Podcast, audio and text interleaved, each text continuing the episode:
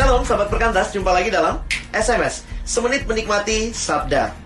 Kalau kita pantengin media sosial saat ini Wah, banyak sekali hal yang ditawarkan kepada kita.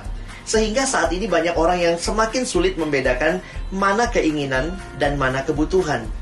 Coba kita pikir, terakhir membeli sebuah barang Kira-kira dibelinya karena apa? Ada yang belinya cuma karena lucu. Ada yang belinya karena memang dibutuhkan atau ada yang membeli karena artis yang kita lihat di media sosial juga membeli barang itu.